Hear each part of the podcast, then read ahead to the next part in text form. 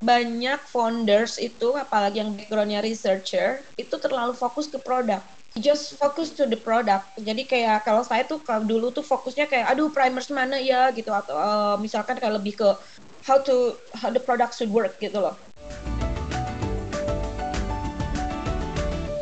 Halo teman-teman, kembali lagi nih bersama podcast Mata Majemuk. Hari ini kita kedatangan tamu yang spesial banget. Ada Kak Windy Mujasari. Halo, halo Kak.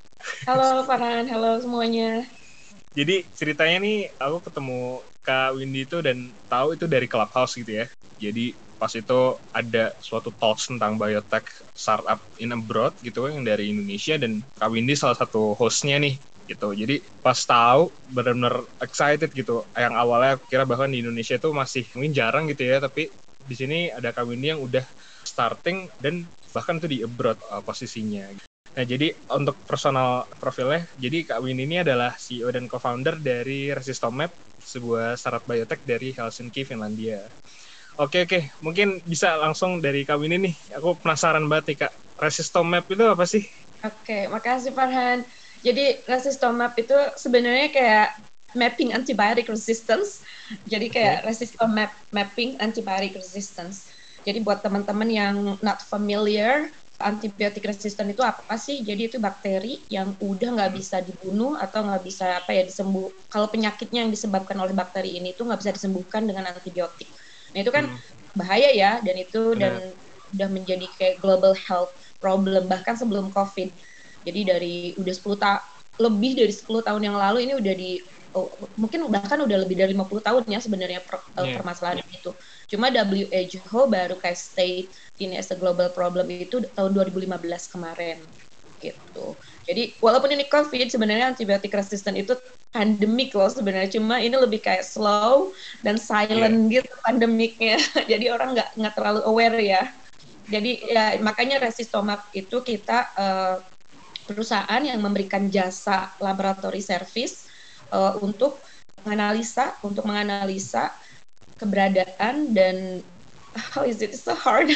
Jadi the presence and abundance of antibiotic resistant genes from environmental samples. Jadi kita emang fokusnya ke environmental samples itu yang ngebedain kita mungkin dengan perusahaan-perusahaan lainnya kalaupun ada uh, dalam menganalisa antibiotik resistance. Jadi kita lebih fokus kayak keberadaan resisten bakteri resisten ini di kayak di tanah, di animal animal poo, di hmm. water, di sungai, di laut, di di mana pun lah istilahnya kalau ada environment kayak gitu. That's all kali ya. Oke okay, oke. Okay. Jadi uh, gimana caranya supaya kita tahu nih kondisi resistensi antibiotik di dunia ini kayak gimana gitu ya? Yes, jadi kayak untuk memahami aja gitu kayak uh, apa sih how how bad the situation kayak gitu like how far the the prevalence of antibiotic resistant di surrounding kita gitu. Karena kan kalau di hospital kita ada kan ya monitor pasti ya, karena kan dokter nggak mm -hmm. mau dong uh, dan dokter juga pasti butuhkan informasi level antibiotic resistant untuk uh, mengobati pasien. Tapi kan di pasien ya biasanya individual, mereka nggak aware kalau in in general kayak in, maksudnya kayak kayak the whole hospital environment, bahkan di surrounding environment kayak sekeliling kita gitu kayak sungai, kayak bahkan reservoir tempat minum kita. Karena kan uh, juga di apa di tanah makanan yang kita makan. Karena oh ya harus di remind juga antibiotik itu nggak cuma dipakai di human kan tapi di animals juga. Bahkan di agriculture kayak di perkebunan jeruk orang nggak akan aware kan. Masa yeah, sih di yeah. perkebunan minum uh, pakai antibiotik? Ternyata itu malah kalau perkebunan yang besar mereka kan banyak patogen juga kan bakteri jadi hmm. mereka pakai antibiotik juga gitu disemprotkan nah itu yang jadi bahaya karena penggunaan antibiotik di luar manusia misalkan di hewan dan di perkebunan itu jauh lebih besar nah itu kan hmm. impactnya membuat bakteri-bakteri yang di ada di sekeliling kita gitu di lingkungan kita menjadi resistance kan nah hmm. permasalahannya juga si resistant ability ini itu bisa dipindahkan antara bakteri Nah, kita yang biasanya not too aware about this problem. Kalau si gen, makanya saya makanya resistomap itu menganalisanya gennya, gen dari si okay. bakterinya. Karena si gen ini bisa ditransfer antara bakteri tadi yang ada di perkebunan ke tanah, bahkan ke bakteri yang ada di manusia. Nah, seperti itu. Jadinya itu yang kita apa ya worry ya, yang kita mau apa missionnya dari resistomap itu to prevent the spread mm -hmm. of this resistant bacteria ini dari environment ke ke kita gitu, ke manusia khususnya. Karena kan kalau resisten ini udah pindah yeah. ke bakteri yang ada di manusia, aduh itu udah udah a bit dangerous ya buat kita kan. Bener, Jadi bener. nanti kalau kita apa food contamination kan kalau sekarang minum antibiotik sembuh lah ya. Mencret yeah. paling dua tiga hari selesai gitu ya. Nah kalau yeah kalau udah resisten si bakteri misalkan Shigella itu kan udah biasa yang biasa bikin mm-hmm. food contamination itu. Nah kalau udah resisten kayak gitu kan udah nggak bisa disembuhin. Terus uh, jadi mencret aja udah nggak bisa sembuhin. Itu bisa kalau kitanya muda mungkin sehat masih bisa fight ya by uh, mm-hmm. our immune system. Tapi kan yang udah sepuh, yang anak-anak itu kan mereka nggak bisa ngehandle kan. Jadi bahkan sesimpel mencret istilahnya diarrhea itu to kill us again yeah. gitu loh. That's the worst situation. Dan unfortunately ini tuh udah udah udah kejadian gitu di sekitar kita. Uh, mungkin yang paling pas, yang paling sering dijadiin contoh itu tuberkulosis ya di Indonesia. Yeah. Kadang kan nggak nyambung apa sih hubungannya gitu tuberkulosis uh, resisten di manusia dengan yang ada di lingkungan. Kan mungkin orang nggak ngeh ya apa sih hubungannya. Benar, benar jadi sebenarnya gini kayak misalkan tuberkulosis nih kita kan kita nyebarin gitu kan. Nah itu kan biasanya spread di, di somewhere kan ya si penyakitnya kan atau di drop uh, somewhere kayak gitu kan biasanya sama uh, biasanya kan melalui ini ya aerosol kan ya. Enggak aerosol siapa sih kayak kayak kita bersentuhan ya? kan. Hmm. Terus itu kan nah kalau misalkan somehow kita udah kena terus resisten itu tuh jadinya rilis gitu kan ke apa sih waste dari waste kitanya kan rilis ke lingkungan kita kan. Nah, misalkan di lingkungan kita itu dia somehow ketemu atau meet resisten yang udah bakteri yang udah resisten, tuh mereka tuh bisa saling transfer gennya gitu. Jadi okay, tuberkulosisnya okay. jadi makin resistance gitu dan akhirnya kembali menyebar ke kita. I'm not sure is it clear enough. Yeah. Tapi you know what I mean right? Iya yeah, iya yeah, sih. Hmm. Yang paling ini aku terkejut ini sih Kak. Jadi bahwa pemakaian resistensi eh, pemakaian antibiotik di luar manusia kayak itu itu ternyata lebih banyak ya. Yes. Yang bahkan kita nggak terkontrol, nggak tahu kita ininya ya. Yes, that's the problem. Bahkan kalau misalkan kayak di Amerika, kayak di Eropa itu udah datanya kan, itu biasanya 60 to 70 persen antibiotik yang diproduksi itu sebenarnya digunakan untuk hewan atau agriculture hmm. dibanding untuk human dan itu menjadi masalah. Dan kadang antibiotik yang digunakan juga sejenisnya sama yang digunakan di manusia. Oh. Jadi ya semakin banyak resisten yang kesebar gitu kan karena animal waste itu kan keluar juga ya ke lingkungan yeah. kan. Walaupun hmm. ada treatment tapi kadang treatmentnya nggak terlalu efisien nge ngebunuh bakteria gitu karena biasanya wastewater treatment yang sekarang itu lebih ke apa sih kayak nutrien organic matter lah chemical process nggak biological process seperti itu makanya sekarang kalau di Eropa itu udah mulai apa ya mulai ada uh, improvement lah kayak misalkan hmm. waste treatment aja itu udah untuk biological uh, contact pollution nggak hanya chemical pollution seperti itu. Nah ini yang kadang oh, people not aware gitu. Kadang kan kita udah waste itu udah keluar aja ya. Yeah. But actually waste itu kalau udah keluar dan kalau nggak di treat itu akan baik jadi polusi kan dan uh, resisten bakteri pun sama itu termasuk sekarang itu emerging pollution oh. di, di lingkungan kalau nggak ditreat dan karena sooner later itu kan kembali lagi ke kita gitu Betul. ada yang cepat ada yang mungkin prosesnya lama itu yang makanya orang hmm. not so aware about this problem seperti itu. Oke, jadi itu kalau limbah si antibiotik itu jadi harus ditreat supaya hilang gitu ya gennya ya. Jadi hmm. itu nggak balik lagi ke lingkungan kan yang nanti somehow yes. bakal transfer transfer lagi. Yes, yes. Oke, okay, interesting, interesting. Jadi itu ya makanya resistomap mission itu to prevent the spread of those resistant bacteria dan ya. resistant genes di lingkungan hmm. atau kayak to slow down lah, jangan sampai apa yeah, ya iya, jangan sampai yeah. terlalu cepat nyebarnya gitu loh. Karena kan e, gimana pun juga kita harus menjaga efikasi ya. antibiotik kan, ya interestingnya sih ini kan kalau di manusia kita udah ada kayak advice-nya gitu ya. Kalau hmm. untuk antibiotik kita ha harus habis gitu kan. Atau misalnya ya kita limit penggunaannya gitu. Tapi tadi yang aku juga baru pahami wah kalau di dunia tadi agriculture atau industri gitu kan apa nih bentuk ini ya eh, limitasinya ya gitu ya. Kalau yang sekarang Mm-mm. Kalau yang sekarang lagi, misalkan di Indonesia pun udah mulai gitu kan, kayak misalkan kemarin uh, ada juga kan Clubhouse dengan FAO, kayak Hmm. mereka juga udah at least dari Kementannya tuh ada uh, dilarang penggunaan antibiotik sebagai apa sih growth promoter. Jadi sama lah kayak buat manusia, antibiotik bisa dipakai di hewan, tapi hanya untuk kalau hewannya sakit gitu loh. Jangan lagi dipakai buat kayak biar hewannya cepat gemuk atau hewannya Iya. cepat besar kayak gitu. Itu kan yang jadi penggunaan antibiotiknya nggak kekontrol kan dan dan sangat jumlahnya sangat besar seperti itu. Jadi Indonesia pun udah mulai kok. Sayangnya tapi kan eh, penyebaran antibiotik ini global ya. Jadi nggak hanya eh, Iya. usaha satu negara. Ini kalau negara yang lainnya nggak nggak ada usaha terus kita kan human traveling juga. Makanan juga traveling kan? Kita kan Iya. impor dari mana nyimpor dari mana kayak gitu. Kalau misalkan nggak ada nggak ada kayak global agreement seperti itu ya sama aja sih jadinya nanti nyebar. Kayak kan pak kayak covid ini kan kalau walaupun kitanya di sini udah udah try wah kita safe lah ternyata ada traveler datang kan bawa spread lagi. Lah kitanya kena pandemi lagi. Seperti itu. Jadi dengan resisten bakteri juga sama gitu. Bakteri kan ik- bisa ikut travel dengan manusia bahkan dengan hewan kayak hewan gitu loh kayak burung tuh kayak burung kayak Mhm. ikan. Nah itu dia makanya penyebaran antibiotik resisten di lingkungan itu yang harus dicegah karena itu bisa transfer ke burung dan burung bisa imig- eh, migrasi ke mana-mana kan. Bahkan beda benua kalau burung itu. Ikan juga termasuk.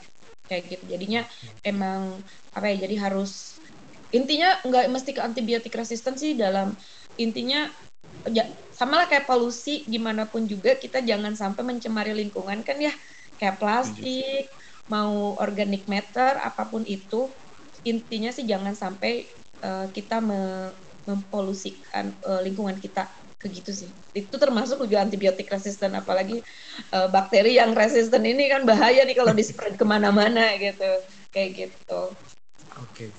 I see. So jadi dari Resistomap ini menyediakan ini ya jasa analisis tadi ke misalnya research institution atau misalnya ada user-user lain yang biasa yang Usernya- memakai ini. Mm.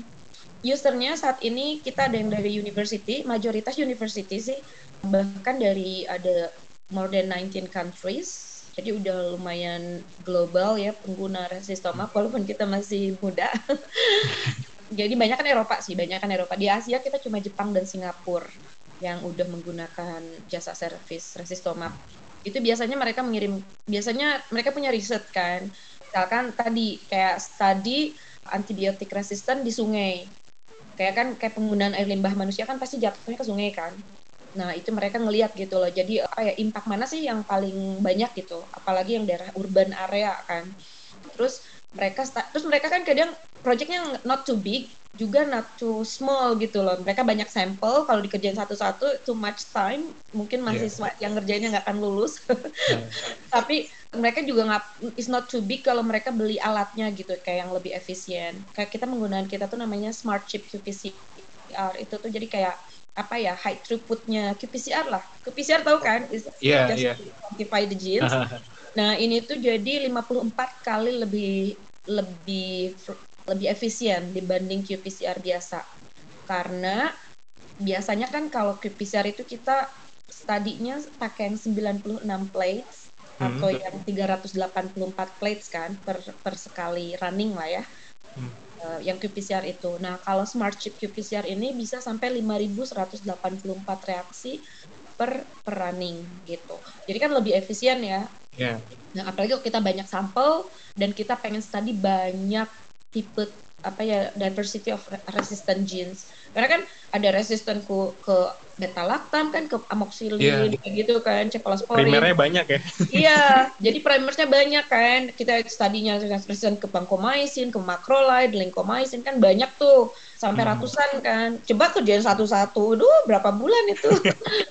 Eh, itu dia. Terus tapi mesin ini tuh mahal juga kalau mau beli. Jadi kan harganya Hmm. sekitar 300 ribu euro. Jadi berapa tuh Hmm. 5, 5 6 miliar. Kan is Yeah. not cheap ya kalau untuk study. Makanya dengan mengirimkan sampelnya ke resistoma, mereka cuma bayar ya simply sampel mereka gitu. Dan kita provide semua lah prosesnya. Mereka cuma ngirim sampel ke kita, kita sediain primersnya. Kita sampai ada 600 primers di kita itu.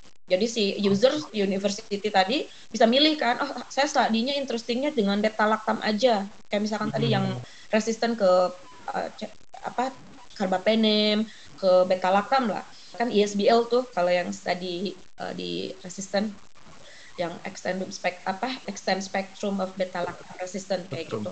Nah itu kan mereka jadi fokus ke situ. Jadi mereka bisa customize juga. Ah aku maunya study ini aja kayak gitu. Makanya banyak users dari university terus budgetnya juga kan paling costnya itu cuma dari 2000 sampai 8000 euro. Itu kan still uh, within research budget ya, at least di Eropa yeah. gitu. Jadinya mereka punya uang gitu untuk mengirimkan sampel di analisa. Yeah. Terus tapi kalau dari Research Institute biasanya mereka karena proyeknya kan short kalau Research Institute tuh. Jadi kayak governmental Research Institute kan bisa proyeknya enam bulan maksimal setahun gitu kan harus report kan kalau yang apa Research Institute gitu.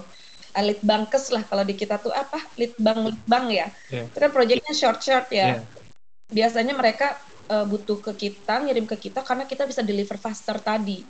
Kita dalam 10 mi hmm. eh 10 hari atau dalam dua minggu kita bisa deliver hasilnya. Bahkan untuk ribuan analisis gitu. Makanya jadinya mereka kan oh dengan jumlah budget yang mereka punya misalnya tadi 8.000 euro mereka bisa study lebih banyak. Karena kan kita dalam 10 hari udah deliver result resultnya kan. Jadi si mm-hmm. uh, litbang ini tuh oh oke okay, gitu. Jadi mereka bisa study semua karena waktunya walaupun mereka proyeknya cuma enam bulan misalkan tapi mereka kan karena kita cuma hmm. karena kita bisa deliver the result within two weeks jadi mereka bisa kan tetap nge-report dan hasilnya tetap jadi yeah. banyak kayak gitu itu itu yang paling banyak itu sekarang dari UK kita tuh UK kan lagi gencar ya funding untuk antibiotik resistant study-nya jadi kita banyak riset riset institut dari UK itu ngirim kayak udah kayak tiap kan mereka proyeknya per enam bulan. Jadi tiap enam bulan itu pasti Windy I'm sending you samples. Jadi udah biasa mereka study ini Uh, di ternak kambing ya. No domba. I think Scotland itu sheep itu domba ya.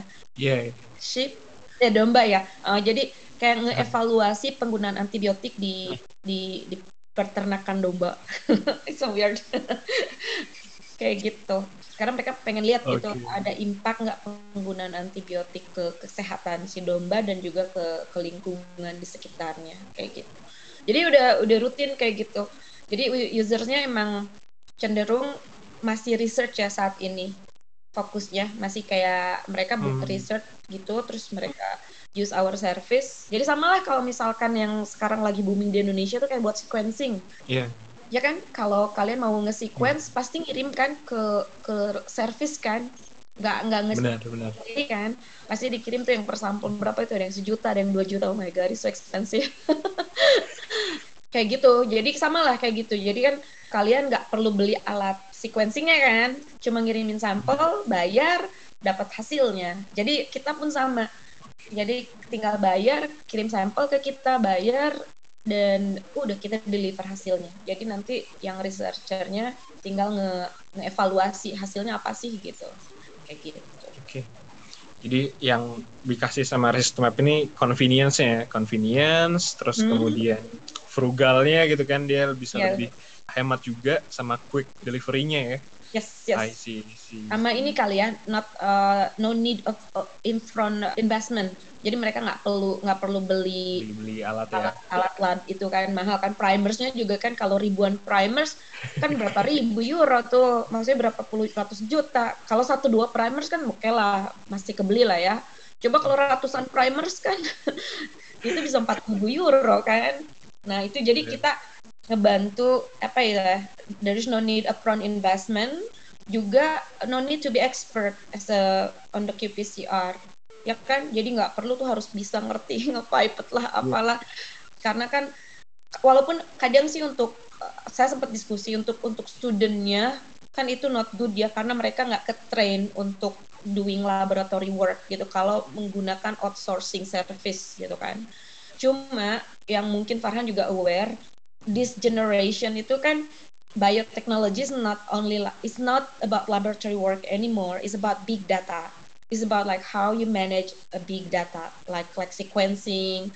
Hmm. ini juga sama. Jadi menurut menurut saya sih laboratory work is is okay. Tapi kan pipetting is just pipetting. Is is nothing to you know is is nothing ex, uh, fancy in pipetting. Tapi kan menurut saya mahasiswa yang sekarang itu lebih cenderung harusnya pinter how to analyze big data gitu. Karena laboratorium-laboratorium itu in the future bakal banyak service-service kayak resistomap kayak sequencing aja kan sekarang udah menjamur kan? Coba hmm. mau kirim ke mana? Singapura Korea ke Korea. ke mana ada gitu kan? Kita nggak perlu lagi kan belajar harus tapi kan kita harus belajarnya nanti datanya datang what should we do gitu? The meaning exactly. Nah menurut saya kalaupun nanti dibilangnya ada mahasiswanya nggak nggak jadi belajar apa nge-lab doesn't have a laboratory skills ya balik lagi apa tujuannya si mahasiswa ini? Apakah being researcher atau lab technician? Kalau hmm. as lab technician yes you do must do the skill ya needed ya karena itu kan praktis. Tapi kalau biasanya di university ya apalagi S3 like you you are kan you uh, maksudnya kan you need to be you need to do research kan bukan bukan as lab technician tapi thinking the thinking kayak gitu itu sih. Cuma makanya jadi kadang resistomap service ini maybe not fit for like too early too young study kayak bachelor master mungkin not so fit. Mm-hmm. tapi biasanya kita lebih fit buat PhD postdoc. Dan emang rata-rata customer kita itu PhD postdoc uh, dan tentunya group leader level belum yang okay. sampai untuk kayak basic research itu enggak. Bukan basic research apa ya belum ke standar research jadi lebih kayak ada uh, long bigger research kayak gitu. Oke. Okay. Mungkin itu ya. Menariknya ini sih yang aku lihat kayak jadi misal di masa depan nih ada policy yang emang harus menggunakan misal lo limbah yang antibiotik resistant tuh lo harus didata dulu gitu jadi kayak harus comply gitu kan kalau ini kan mungkin in terms of ini ya uh, masih research aja kan hanya yes. nyari tahu gitu ya. Tapi yes. kalau di masa depan itu kita I'm waiting that moment. ini kan, iya kan? kalau di EU, di EU ini udah masuk meja parlemennya. Hmm. Antibiotic resistant uh, apa sih kayak like uh, jadi semua wastewater treatment itu karena kan di EU kan semua kotanya ada wastewater treatmentnya kan municipal hmm. wastewater treatmentnya itu kan sekarang itu untuk quality assurance kayak how good is your treatment cuma berdasarkan dari apa phosphorus, nitrogen, yeah, uh, yeah. terus kayak basic uh, coliform kayak gitu kan. Jadi hmm. belum emang belum ke level antibiotic resistant pollution sama mikroplastik pun belum masuk. Tapi ini tuh udah di meja kalau saya sih tahun 2019 kemarin ini tuh udah masuk di meja EU parlemen. Cuma permasalahannya belum belum jadi policy karena karena tadi karena masih research kita belum tahu how bad is the oh. impact. Jadi kan kan sekarang nih ada banyak nih bakteria di di sungai gitu misalkan. Tapi kita nggak tahu kan kapan dan saat saat bagaimana ini menjadi resiko ke kesehatan manusia. Da, sampai jumlah berapa sih? Karena kan kalau policy itu kan harus number ya Mm-hmm. Kayak berapa jumlah kan coliform misalkan harus between ini sama ini gitu yeah, kan. Yeah. between misalkan sepuluh ribu sampai seratus ribu dinyatakan oke okay lah normal bisa pas gitu. Tapi kalau di atas seratus ribu misalkan coliformnya berarti kualitinya jelek harus di di hmm. apa di dirubah uh, misalnya harus jadi berarti harus dirubah kan atau di do something lah. Nah, kita tuh nggak tahu level resisten mana sih dan resisten mana sih yang jadi harus dimonitor karena tadi kan kita tuh ada ratusan resistant genes Makanya banyak researcher sekarang itu lagi ngefokus which resistant genes are the most apa ya kita bilangnya problematic resistant genes. Artinya bad for human health juga animal health. Kalau yang setahu saya sih sekarang itu yang lagi difokusin itu carbapenem resistant genes. Karena kan carbapenem itu kayak the last resource of antibiotics untuk human dan animals juga. Sekarang ya kayak proposalnya itu uh, carbapenem itu like number the top. WHO ada sih listnya sebenarnya jadi WHO udah udah kayak bikin list tapi belum masuk policy kan kalau yeah. WHO itu baru kayak recommendation atau baru pasti kayak eh, ya recommendation aja gitu kayak gitu tapi but I do agree when the policy arrive itu resistema udah deh kita udah udah tinggal apa ya IPO lah iya kalau udah ada compliance itu kan terpaksa yeah. tuh orang-orang mikir kan ini hmm. harus batas segini nih batas segini nih yang ngeceknya yeah. ya kristal stoma wajib iya yeah, yeah. alright alright oke okay, nextnya nih kak jadi aku nanya nih pernah kebayang gak sih kak sebelumnya untuk founding biotech startup kayak journey dari awalnya gitu mungkin ceritanya hmm. kayak pertama yeah. mungkin pas di bachelor kan uh, dari biology or gimana gitu sampai sekarang Enggak sama sekali ya karena saya itu benar-benar kalau dibilang orang lab tuh orang lab banget. Jadi hmm. bachelor, master, sampai S3 pun di lab terus gitu dan emang passion saya lebih ke research kan, doing ya, research lah ke explore something new gitu kan. Cuma pas postdoc, saya proyeknya di Indonesia waktu itu sama tentang antibiotik resisten tapi studinya di sungai badan badan air ya jadi ngeliat impact dari tadi dari animal farm dari urban sampai ke estuary dan itu emang kaget aja gitu ternyata. Karena kan di Indonesia waste-nya nggak di treatment ya. Waste waternya semua langsung masuk sungai. Itu it makes shocking gitu buat saya itu karena wow polusinya itu luar biasa gitu. Just not so many people aware. Dan saya dan karena emang first of all mereka nggak ada metodologi kan. They don't even know like how to measure this uh, antibiotic resistant bacteria di, di lingkungan gitu. Dan ini nggak hanya di Indonesia gitu. Pas saya lagi conference itu banyak banget yang nanya eh how how how you did research? Kayak gitu. How do you, you do the smart chip qPCR? Padahal si smart chip qPCR ini itu commercially available dari Takara Bio gitu. Misalnya ada ada perusahaan Jepang yang emang ngejual si mesinnya gitu. Istilahnya you can just buy. Ternyata kan yang agak tapi maksudnya agak mahal kan untuk untuk small project kayak gitu. Hmm. jadinya jadinya hanya privilege laboratori yang punya smart chip ini saya tuh bisa hitung jari lah saya kayak di Melbourne di Michigan State University Minnesota France. Jadi masih dihitung jari lah berapa yang banyak. Dan tentunya di, di Cina ya itu banyak punya smart chip ini. Tapi tadi itu jadi kayak privilege aja hanya big big professor atau big research group yang punya ability to do this uh, research gitu kan. Dan itu mereka kan kalau yang small small research ya apalagi kayak research institute yang projectnya cuma tadi short tadi ya project yang cuma kecil misalkan cuma 2000 sampai 4000 euro. Itu kan nggak bisa ya kayak kolaborasi dengan big big researcher gitu. Mereka kan milih-milih ya menurutnya kalaupun ada research collaboration. Saya pun kebenaran bisa dapat research collaboration ini karena emang kita projectnya uh, di Indonesia tadi Indonesia kan the first time gitu kan uh, yang study gini. Jadinya si Michigan State University waktu itu interested to collaborate with us gitu kan. Dan emang sebelumnya saya PhD pun dengan Michigan State University ini ber uh, apa sih punya akses lah ke ke smart chip ini. Nah, tapi itu nggak tahu teknologinya. Terus mereka juga pas mereka tahu mereka nggak bisa afford kan penggunaan si teknologinya gitu. Terus saya mikirnya we really need to do something. I mean, we really need to do something gitu kan. Kalau kalau gini ya nggak akan pernah uh, monitor resistant di environment itu nggak akan pernah kita nggak akan pernah tahu how, how bad the situation gitu kalau nggak dimonitor kan ya kita nggak bisa nge-identify apa apa sih di problem uh, problem kita itu gitu kan. Akhirnya pas saya saat saat saya postdoc di Universitas Helsinki kan harus ngajar kalau apa kondisi di sana itu kalau postdoc. Nah pas saya ngajar itu kebenaran saya organize course from in uh, by technology from invention to commercialization. Hmm. Nah, saya ngajarnya nggak ngajar sih, tapi lebih ke organizing aja the course gitu kan. Jadi saya invite uh, misalkan ahli-ahli apa sih kayak startup, hmm. saya invite uh, ahli-ahli bisnis gitu kan untuk inform gimana sih caranya dari commercial uh, dari invention gitu ke commercialization. Nah sebenarnya saya barengan juga sama student, jadi sambil saat studentnya bikin uh, kegiatan kayak ajem lah sebenarnya, tapi yeah. smaller karena kan course ya untuk master student. Saya ikutan gitu, tapi based on my real experience gitu kan. I have the problem this, uh, terus gimana caranya, terus akhirnya sampai kepikiran, ah oh, how about if I build a laboratory service gitu kan, karena kan saya tahu hmm. dari A sampai Z Cuma saya tinggal beli mesin ya kan, jadi tinggal saya nyari investor, investor yang punya mesin, it should be done kan. Hmm. Itu. Makanya lah akhirnya sebenarnya resistomap itu tadi tumbuhnya karena saya sendiri seorang researcher, I got this problem, like I really we really need to do something. Terus kebenaran saya organize course buat student kayak iGEM gitu, ikut-ikutan.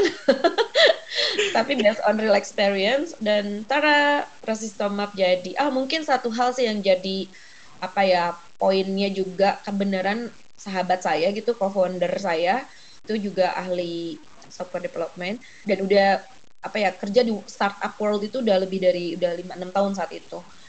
Terus pas dia dengar my idea itu dia langsung cepat gitu nanggepnya. Kan nggak nggak semua hmm. orang ya bisa nanggep ide kan paling juga oh ya udah ngobrol ide aja gitu kan. Biasanya yeah. kalau sama researcher.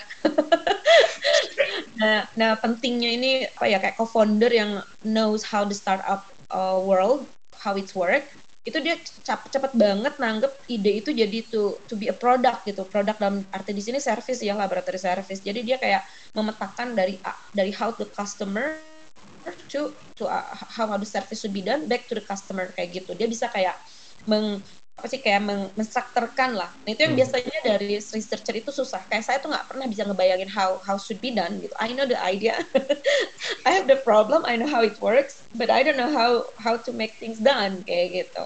Nah co-founder saya yang membantu uh, kayak apa ya tadi menstrukturkan kayak seperti apa sih ide saya itu kayak hmm. resistomap dan makanya lahirlah resistomap. Tapi berarti hitungannya Kak Windy itu sebagai udah sebagai PI gitu ya di universitinya? Atau um, I would say postdoc gitu? postdoc. Postdoc. Is oh. postdoc. Kalau di Eropa itu postdoc uh, has has certain level postdoc. Oh. Kalau S3 itu postdoc. Kalau di sini nggak ada ya di Indonesia kalau yeah, saya di Indonesia nggak ada. S4 lah ya.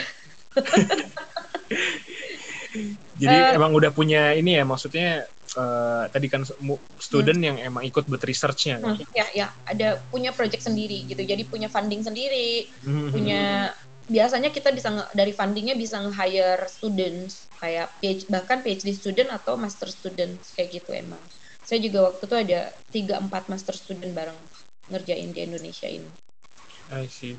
Kalau itu hubungan sama universitinya gimana, Kak? Jadi kayak, ini ada emang commercializing kan kasarnya kan? Atau mungkin ada konsep? Saya juga tak saya juga minta support tadinya awalnya dari University of Helsinki. Cuma hmm. University of Helsinki itu punya kayak apa ya kriteria gitu. Kayak kayak kayak innovation apa sih yang bisa disupport sama university? Itu mereka preferable yang patentable gitu yang bisa dipatenkan. Hmm. bahkan kayak produce some teknologi yang benar-benar produk gitu bukan bukan service. Service kalau kita kan based on knowledge, know-how knowledge kan, know-how knowledge itu juga service. Itu kan nggak bisa dipatenkan ya.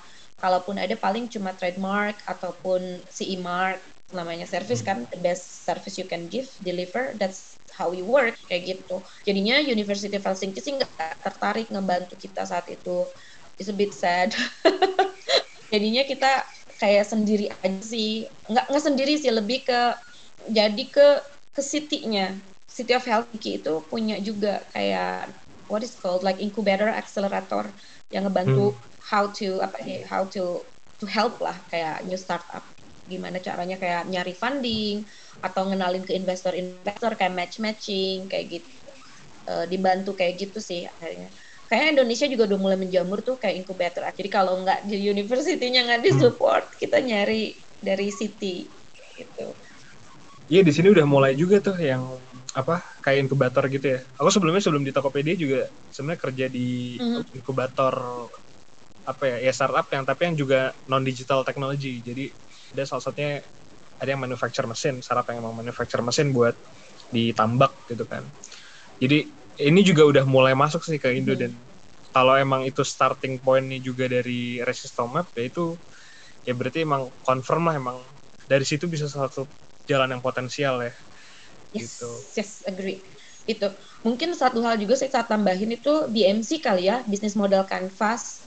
Hmm. Penting banget. Itu kalau misalkan di Google aja lah bisnis model canvas hmm. tuh pasti keluar. Uh, itu penting banget kalau kitanya yang nggak kayak tadi kan saya researcher ya, jadi nggak ngerti sama sekali apaan sih ke bikin bisnis. apaan sih commer commercialization itu really no idea gitu Nah itu tadi pas yang saya bilang ikutan sama student itu kita dilatih bikin BMC, bisnis model canvas. Di situ kan di harus di, di identify ya mas problem yang mau kita solve apa. Terus uh, usernya siapa, customernya siapa. Karena kadang user dan customer berbeda. Kayak hmm. misalkan kita bikin produk usernya buat bayi, misalkan makanan bayi, kan nggak mungkin bayi beli makanan ya, pasti mamahnya kan.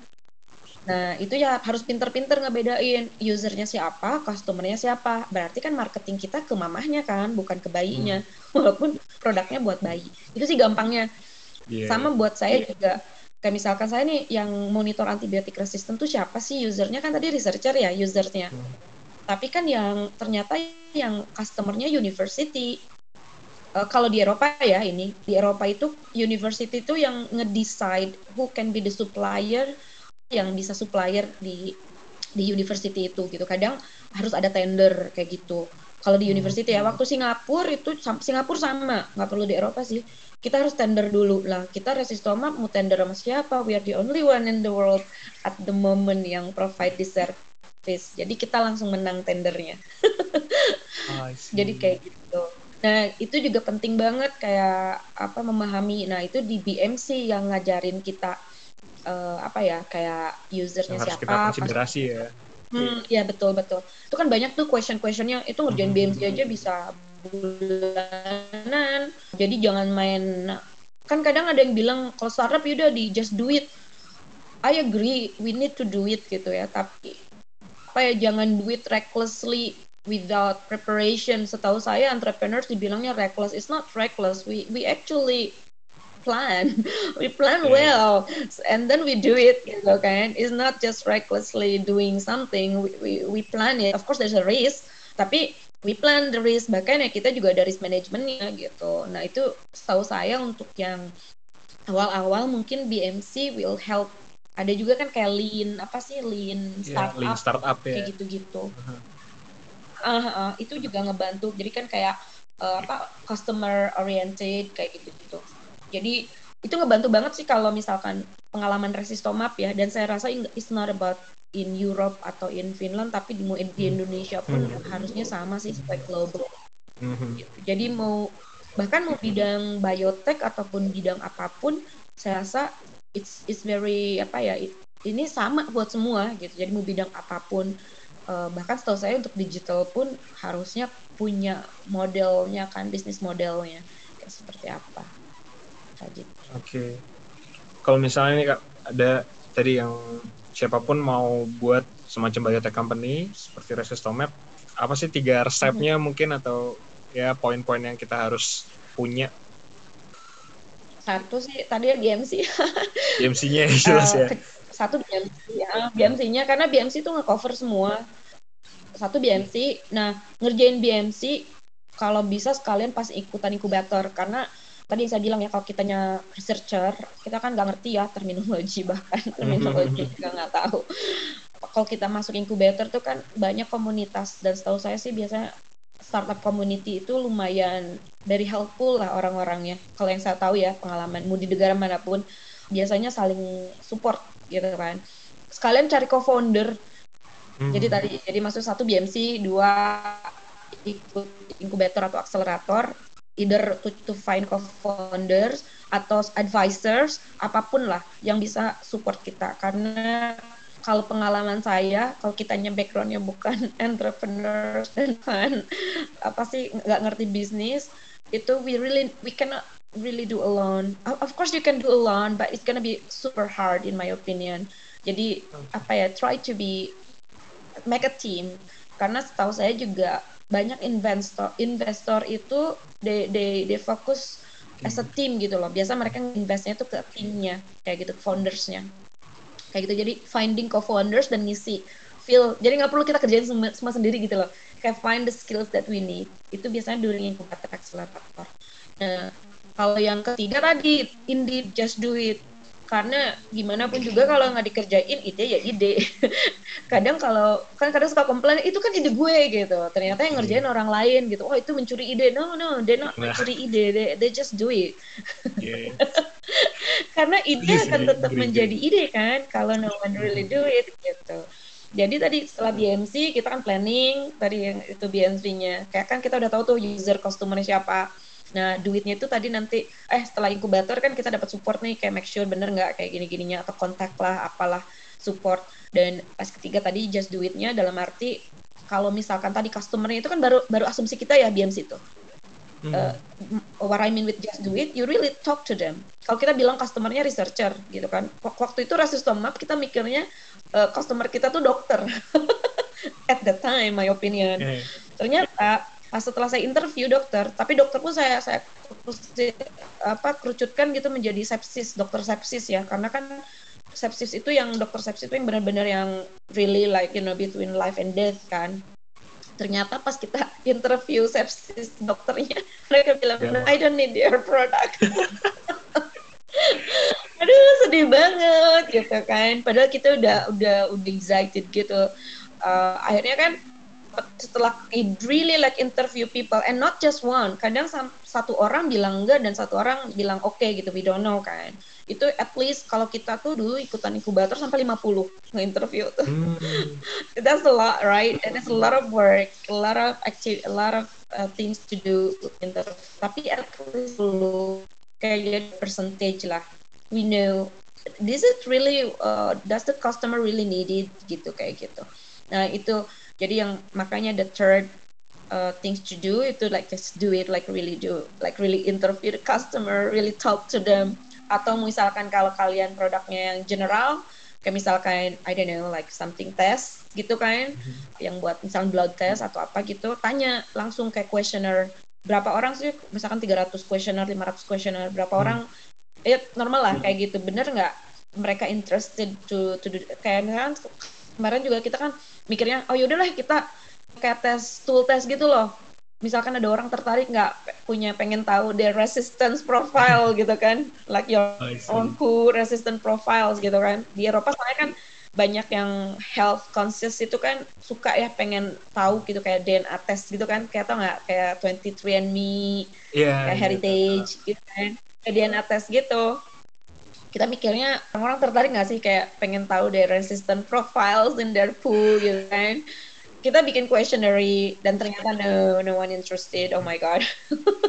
Only microbiologists like me interested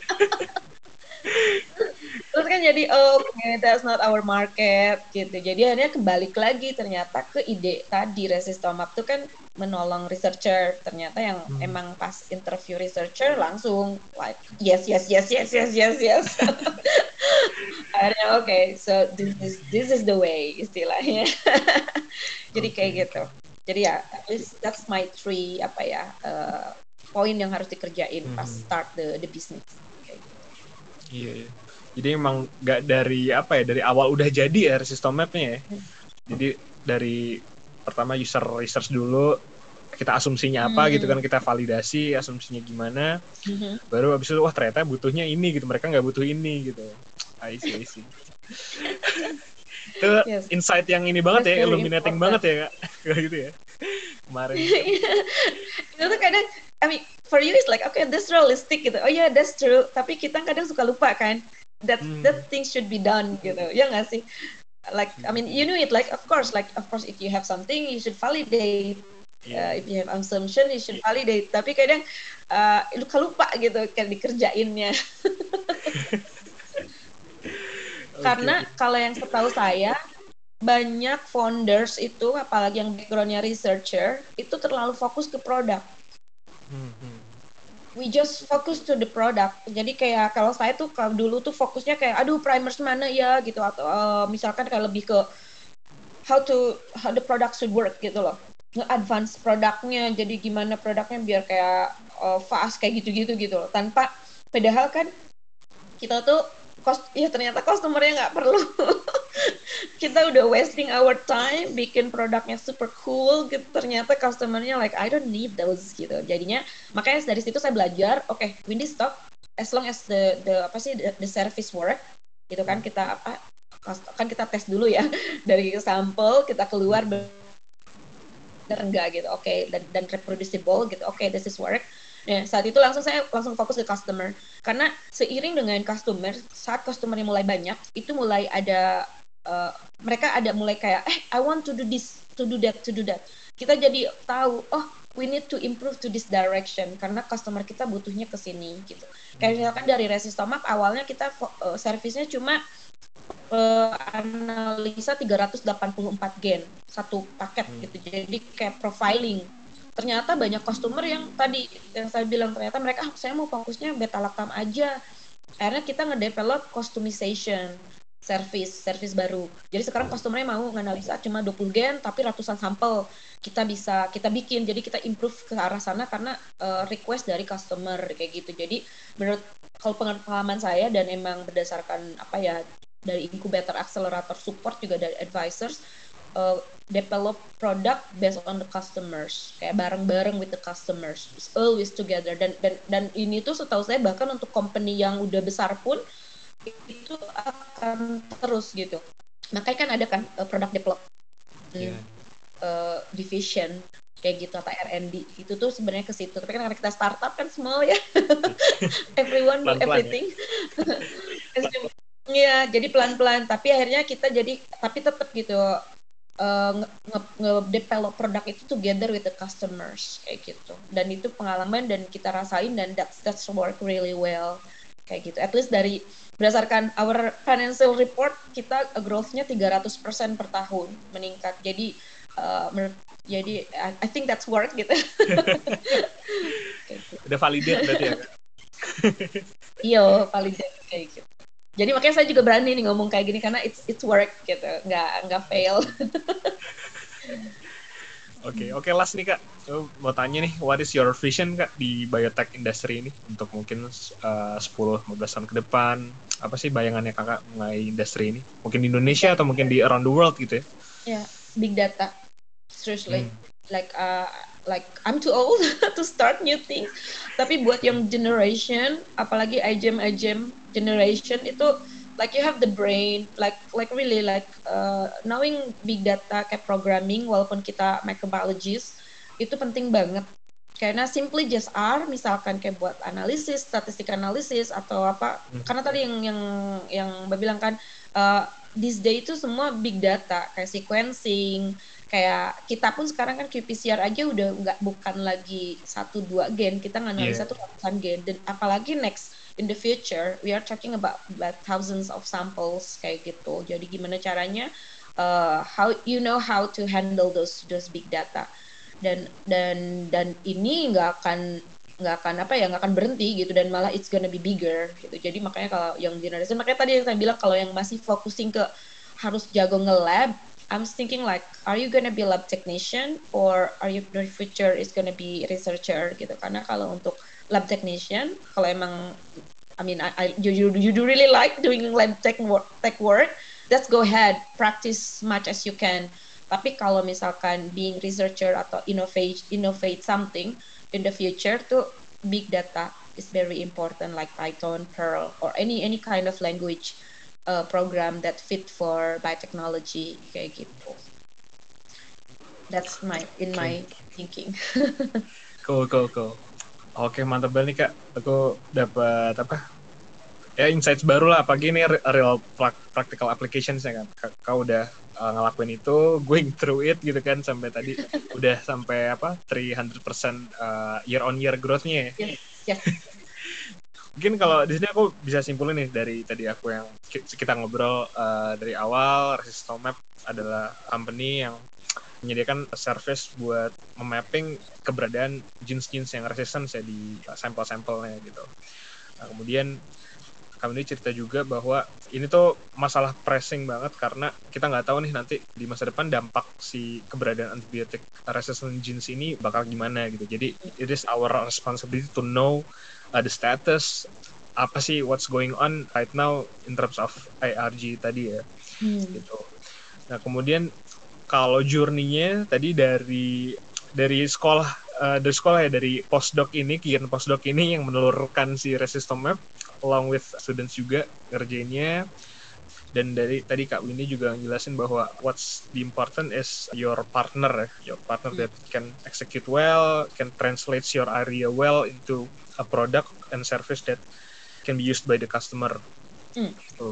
terus tadi saran-saran yang valuable banget itu adalah jadi talk to your customer ya kak. Jadi hmm. benar-benar harus tahu problemnya apa. Mungkin asumsi pertama kita biasanya pasti salah ya. I think so. Jadi dari pertama nanti ngobrol-ngobrol tahu ternyata sebenarnya masalahnya itu ini orang ini market ini hmm. gitu. Hmm. Kemudian tadi kalau untuk menurut kamu ini apa yang bakal happening banget di industri ini 10-15 tahun ke depan adalah big datanya and how we analyze and take insights from it ya gitu Hmm. I see I see Yes. Sorry, satu poin I miss mental mental Ah. health itu nggak dibahas tadi. Sorry, It- it's Oh, Oke. also really important. Soalnya keluar dari comfort zone itu penting banget untuk kayak aware of your mental health karena banyak temen yang yang background biotech industri startup itu pada burn out Hmm. and I was surprised uh, dan dan dan uh, Mbak juga ngalamin di satu dua kali at least lah dalam tiga empat tahun eh, tiga tahun ini gitu kan cuma emang ya tadi karena kan kita udah aware in advance Hmm. kalau this gonna happen Uh, jadi ada ada support banyak support dari investor dari co-founders dari tim uh, bahkan kayak kitanya juga aware. Jadi uh, burnoutnya tuh nggak nggak kejadian gitu. Kita bisa prevent in advance. Kayak gitu. Kayak ini tuh sempet kayak nggak dibahas ya biasanya. Karena tadi kan ke fokus ke bisnis dan ke produk. Padahal mental health dan dan in general ya health of the Hmm. foundersnya itu penting banget. Kayak gitu. Dan I forgot to mention that way that's very very important. Apalagi setahu saya di Indonesia agak kurang kan kayak awareness of, Setuju, of mental health itu jadi ini harus di point out juga. Karena eh, lumayan banyak di Finland aja banyak banget yang burn out. And I was surprised gitu. Dari dari dulu dari angkatan kita yang 20 orang incubators itu hampir kayak hampir lebih dari setengahnya pada burn out. So I was like Hmm. what? Kayak gitu. Jadi it- it's quite common. Dan setahu saya ini quite common globally. Kayak gitu. Sure, sure. Almost Setuju sih. forgot but ya. yang startup juga kan. Aku juga udah itu common banget sih kayak yang di environment startup ini. Ya burnout kerjaan kan. Ya, dan Hmm. emang itu applies dan emang awareness kita harus ditingkatin sih tentang Yes. itu. Setuju setuju. Oke oke. Very nice talking to you nih kak. Gaining so much insights and learnings. Sama-sama makasih